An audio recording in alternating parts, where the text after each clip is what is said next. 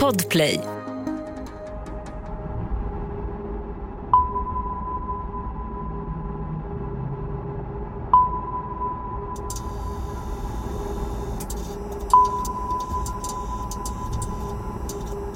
Lampan flimrar till i det välda taket.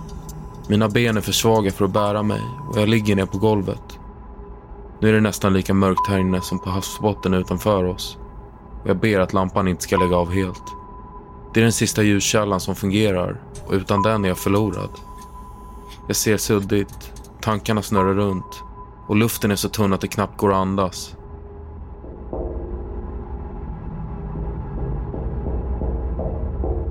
Så hör jag plötsligt hur någon bankar från maskinrummet. Jag försöker hitta kraft i benen och resa på mig och låter ubåtens väggar stötta mig.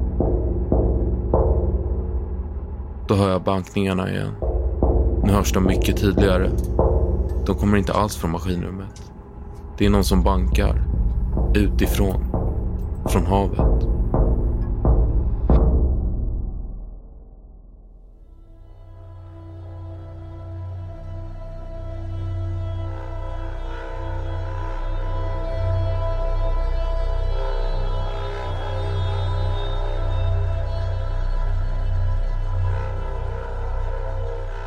Välkommen till Oförklarliga fenomen. Ett program där jag, Evelina Johanna, Och jag, Tom Schäferdik. tar med dig på berättelser om mystiska, märkliga och obehagliga saker som hänt folk över hela världen. Saker som inte alltid går att förklara. Innan vi drar igång med dagens berättelse vill vi bara tipsa om en grej. Nya avsnitt av Oförklarliga fenomen släpps varje tisdag men om du vill höra avsnitten en dag före alla andra ska du gå in på podplay.se eller ladda ner appen. Helt gratis. Om man snackar grejer som man är rädd för så har jag två grejer som är på delad första plats. Djupa mörka vatten och trånga utrymmen. Så tanken på en ubåt, ett trångt utrymme djupt ner under havsytan. För mig är det en så vidrig tanke. Men tänk om man skulle sprinkla lite oförklarliga händelser över den här redan vidriga cocktailen av instängd plåtburk djupt under vatten. Då kommer vi någonstans nära dagens berättelse. I det här avsnittet ska vi berätta om UB65 en ubåt som har omgärdats av underliga rykten sedan dagen hon byggdes i början av första världskriget. För något sägs röra sig bland skuggorna ombord. Något som får till och med de mest erfarna sjömän att hålla sig borta.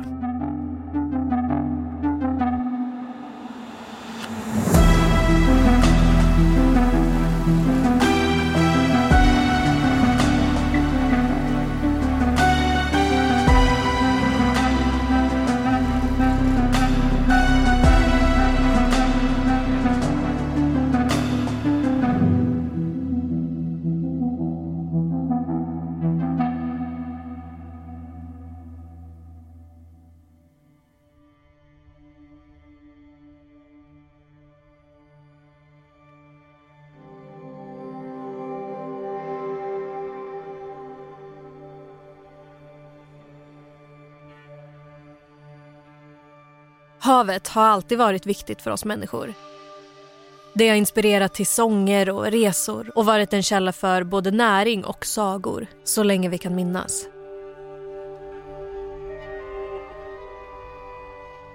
Men det är också en förrädisk och mystisk plats. För trots årtusenden av kartläggning sägs det att människan bara har utforskat ungefär 5% av vad som finns under havets yta. På botten ligger många hemligheter begravda och de enda som vet vad som faktiskt finns där är de som vilar på botten tillsammans med berättelserna.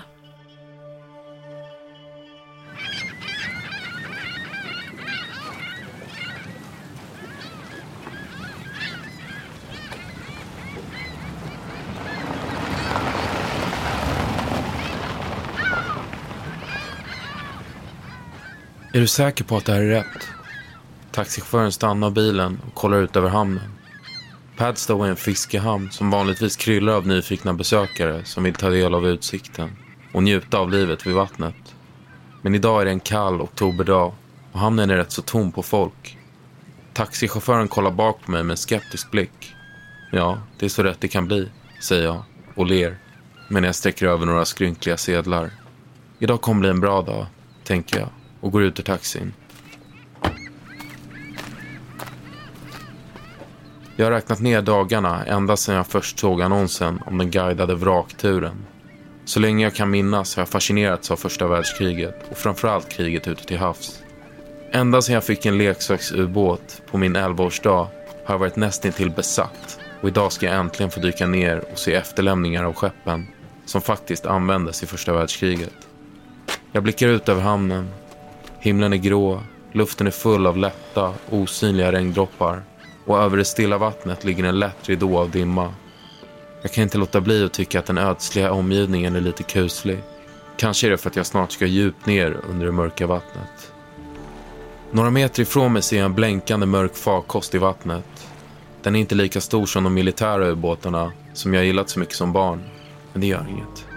För till skillnad från sina mer krigsorienterade systerskepp är den här utrustad med observationsfönster vilket gör att jag kommer kunna se vad som händer runt oss medan vi dyker. Vid landgången står en man med skepparmössa och bredvid honom ser jag en skylt som informerar om dagens vrakturer. Jag hälsar på honom och han presenterar sig som båtens kapten.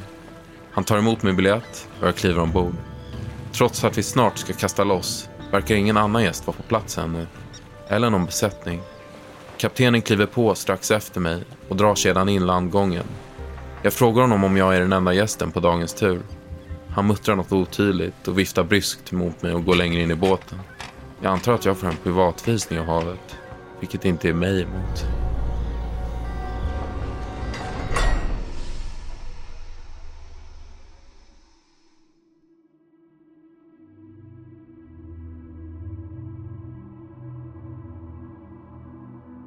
1914 ekade skotten genom Sarajevo och hela Europa.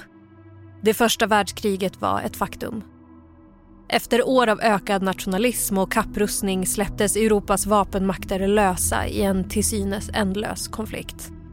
Tyskland hade siktet inställt på seger och för att snabbt få ett övertag i kriget till sjöss gjorde man en stor ubåtssatsning. På bara tre år lyckades man utöka sin flotta från 20 till 148 stycken ubåtar. Och en av dem var SM UB 65. Precis som sina systerskepp var hon skapad för ett enda syfte. Att sätta skräck i sina fiender. Men till skillnad från de andra tyska ubåtarna skulle UB 65 skapa fler problem än framgångar. Olyckorna började redan när hon byggdes en dag föll till exempel en av båtens balkar och landade på två av männen i besättningen som båda krossades till döds. Vid ett senare tillfälle hittades tre andra besättningsmedlemmar döda i maskinrummet efter att de kvävts till döds av dieselångor som läckt från motorn. Men trots de här tragiska olyckorna hoppades man ändå på att turen skulle vända. Och eftersom hon behövdes till sjöss gjordes hon trots dödsfallen redo för en första testrunda men olyckan följde med ut till havs. På testrundan inspekterade en av besättningsmännen båtluckorna när han plötsligt sveptes över bord och aldrig sågs vid liv igen. Tre tragiska händelser hade nu ägt rum på båten inom en kort tid. Men det skulle snart bli värre.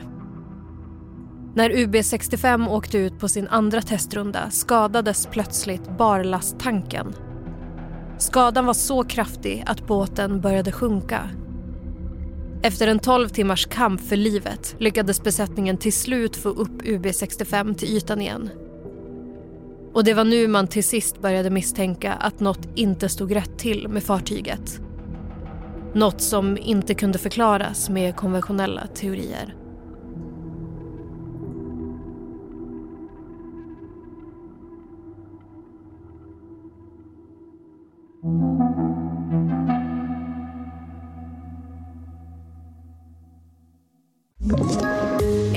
Poddtips från Podplay.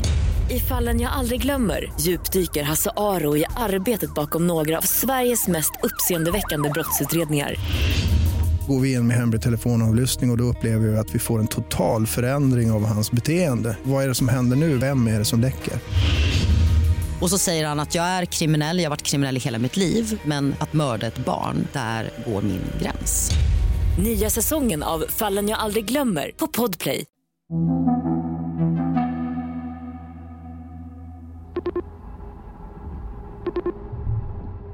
Jag sitter bredvid kaptenen i manöverrummet och kollar ut genom observationsfönstret framför mig. Vi har tagit oss ner till maxdjup och havets storhet uppenbarar sig genom den runda rutan. På andra sidan glaset simmar fiskarna förbi och solstrålarna som inte riktigt når ända ner ligger som ett tak över oss. De tjocka väggarna omfamnar mig som en varm kram. Jag känner mig trygg, fokuserad och, ja, hemma. Vi åker vidare till vårt första stopp på vrakturen. Nu når solens strålar inte ner alls och vi rör oss i ett allt mer kompakt mörker. Det är då jag börjar se något ta form i det svarta djupet. Och ju närmare vi kommer, desto tydligare blir det. Där ligger en ubåt. Kaptenen berättar om skeppet framför oss, att folk undviker det än idag. I vanliga fall brukar jag tycka att det är ganska spännande att lyssna till historier om första världskriget. Den här gången är det obehagligt. Skeppet där framme påminner helt enkelt för mycket om det vi sitter i själva. Fastän vi bara kommer närmare ubåten tycker jag det är ganska svårt att se den ordentligt. Vattnet har liksom blivit grumligare. Kanske är det för att jag har kollat ut för länge i mörkret och mina ögon börjar bli trötta. Så ser jag plötsligt en mörk skepnad formas i vattnet precis framför oss. Jag spänner ögonen för att försöka tyda vad jag ser. Det måste säkert finnas små hajar eller något så här djupt ner i vattnet, tänker jag. Men jag hinner inte fråga kaptenen innan hans berättelse byts ut mot ett upprört mumlande. Han sitter nu böjd över rodret och kollar intensivt på kursmätaren.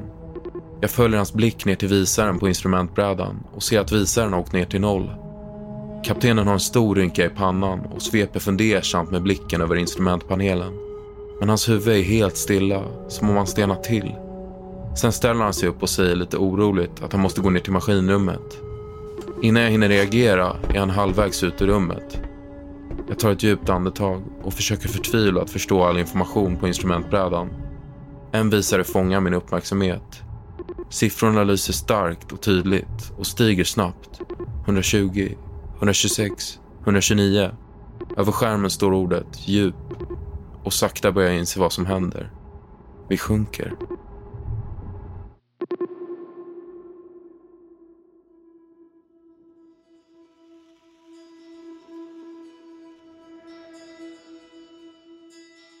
Trots rykten om UB65 var båtens kapten Martin Schelle fast besluten om att hon skulle ut på öppet hav. Om de väl kom iväg skulle besättningen nog fokusera på sina uppdrag och inte på viskningarna som börjat spridas ombord. Men ödet hade andra planer. Kvällen UB65 skulle ut på sin jungfruresa skulle några torpeder lastas på fartyget. När en av dem sprängdes utan förklaring eller förvarning. Båten klarade sig men fem män skadades allvarligt. En av dem, skeppets andra officer, löjtnant Richter, dog av sina skador. Det tog två veckor att få en ny besättning på plats. Men i oktober 1917 var UB65 till slut redo att ge sig ut på Nordsjön. Det som såg ut att börja som en bra resa fick inte helt oväntat, snart en mörk vändning. En natt var en av båtens sjömän på vakt uppe i utkikstornet. Det var ett helt vanligt nattpass och sjömannen stod i sin ensamhet och spanade ut över det mörka havet. Men plötsligt dök en siluett upp längst ut på fören klädd i tysk officersrock och hatt. Han stod vänd bort från sjömannen och blickade ut mot havet. Sjömannen förstod först inte vad han såg men när mannen i fören vände sig om frös sjömannen till is av skräck. För där ute på fören stod löjtnant Richter. Mannen som dött några veckor tidigare. I några sekunder stod han där i vågornas stänk för att sen lösas upp och försvinna ut i luften.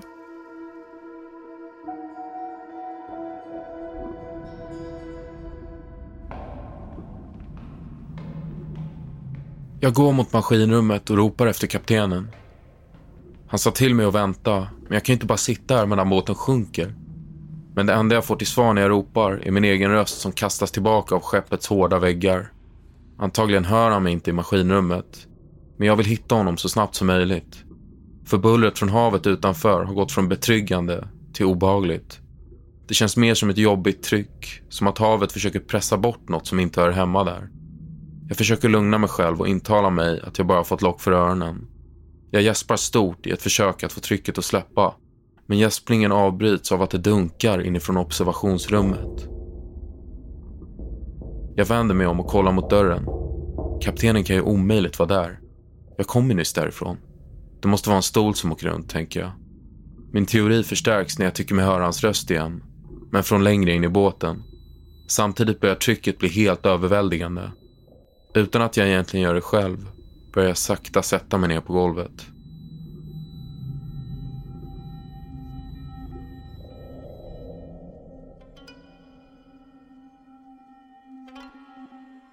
Sjömannen som påstod sig ha sett löjtnant Richter anklagades för galenskap och fick order om att inte dela med sig av vad han hade sett. Men det hjälpte inte. Snart vittnade fler och fler i besättningen om att de hade sett löjtnant Richter. Och det var samma berättelse varje gång. De såg honom en kort stund innan han bara försvann ut i tomma intet. Till slut insåg kapten Schelle att sjömännen var för skräckslagna för att utföra sina uppgifter. Han krävde en ny besättning och vände skeppet tillbaka till sin hamn i Hamburg. Om hans avfärdanden berodde på att han faktiskt tyckte att besättningen var galen eller för att han själv också var rädd är svårt att avgöra. Men det tvivel han hade fick han snart lägga åt sidan. För på färden tillbaka, när kaptenen var uppe på däck såg han också sin gamla kollega Richter. Han stod där på fören en kort stund innan han återigen försvann ut i luften.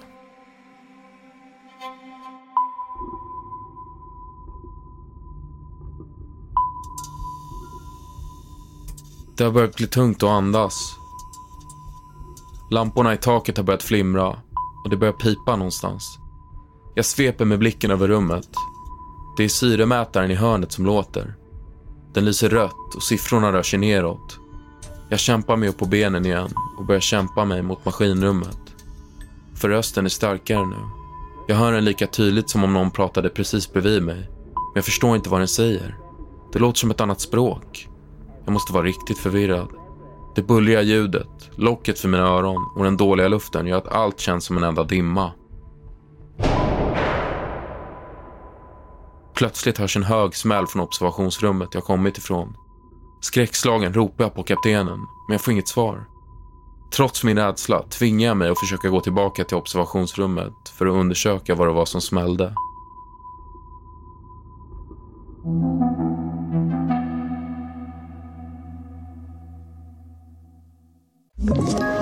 Ett poddtips från Podplay. I podden Något Kaiko garanterar östgötarna Brutti och jag, Davva, dig en stor dos skratt. Där följer jag pladask för köttätandet igen. Man är lite som en jävla vampyr. Man har fått lite blodsmak och då måste man ha mer. Udda spaningar, fängslande anekdoter och en och annan arg rant. Jag måste ha mitt kaffe på morgonen för annars är jag ingen trevlig människa. Då är du ingen trevlig människa, punkt. Något Kaiko, hör du på Podplay. Därför är gardinerna.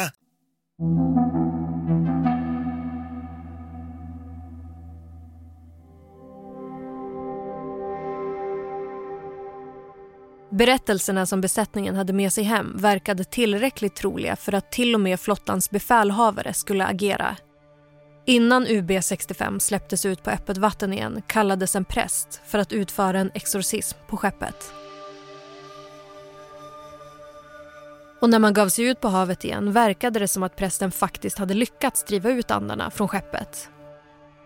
Men precis som tidigare var friden tidsbegränsad. En kväll i juli 1918, nästan ett år efter sin jungfruresa hade UB65 tagit sig till Padstow-området i sydvästra England när ett amerikanskt fartyg passerade henne.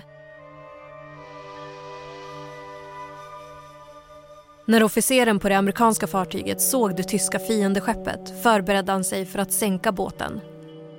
Men innan han gav orden noterade han något som fick honom att hejda sig. Den tyska ubåten stod helt stilla ute i havet. Nästan som om den vore övergiven.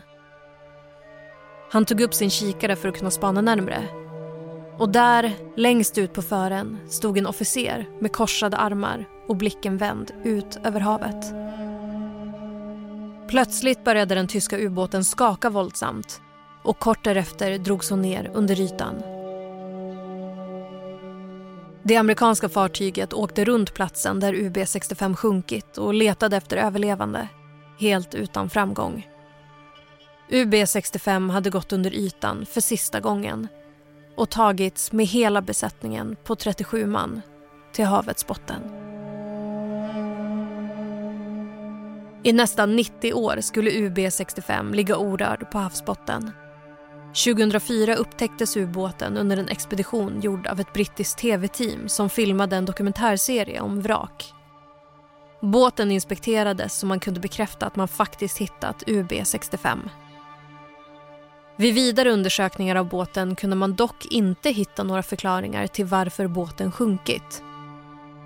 Det fanns inga tydliga tecken på skador och heller inget som indikerade att hon blivit attackerad av fiender. Undersökningen av båten kunde dock avslöja att besättningsmännens sista stund på båten och i livet var panikartad.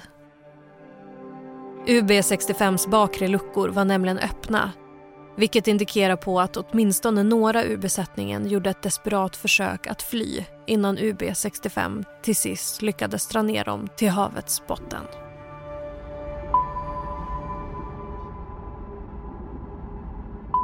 Jag känner hur paniken börjar växa i mig. Med en kraftig rörelse slår jag upp dörren till observationsrummet och går in. Det är tomt. Instrumentbrädan har lagt av helt och det är så mörkt i rummet att jag knappt kan se min hand framför mig. Det bullriga ljudet är om möjligt ännu högre och hela båten har börjat skaka. Den gungar från sida till sida och bullret rör sig i takt med gungandet, som höga smällar. Men högst av allt låter ändå mina andetag. Jag har aldrig hört dem så tunga. Det nästan gnisslar i mina lungor. Jag letar med blicken i det mörka rummet och fastnar på periskopet. För visst ser det ut som att det rör sig. Det är då jag ser det. Ur mörkret formas siluetten av en hand som greppar periskopets handtag bakifrån. Jag måste blivit galen. Jag blinkar hårt och försöker tyda vad jag ser. Men de snabba stegen på andra sidan dörren bakom mig greppar tag i min uppmärksamhet. Det måste vara kaptenen som kommer tillbaka. Stegen saktar in och jag vänder mig hoppfullt om och öppnar dörren. Där står han. Stilla. Vänd med ryggen mot mig. Jag kollar på honom uppifrån och ner. Gnisslande. Ljudet av mina andetag och pipandet i rummet upphör. Det är inte kaptenen. Framför mig står en man klädd i hatt och lång tysk officersrock.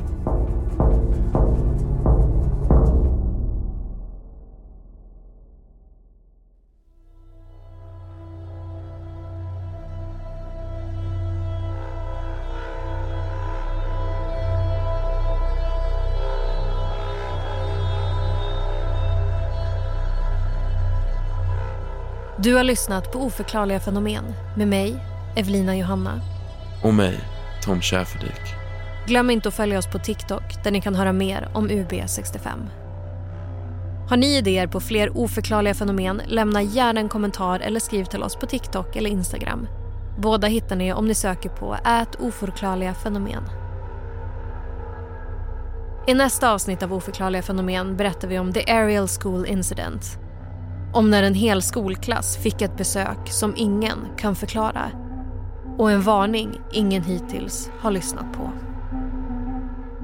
Manuset i det här avsnittet är skrivet av Klara Andén. Redaktör Alex Häger. Originalmusik Adam Bejstam. Huvudtema Oscar Wendel. Ljuddesign och exekutiv producent Daniel Murberg. Oförklarliga fenomen görs av oss på podcastbolaget Cast.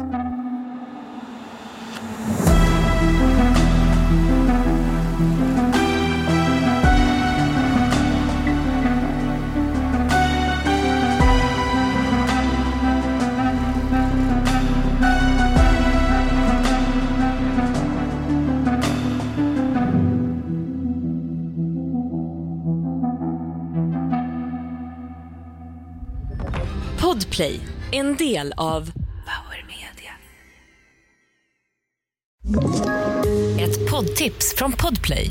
I fallen jag aldrig glömmer djupdyker Hasse Aro i arbetet bakom några av Sveriges mest uppseendeväckande brottsutredningar.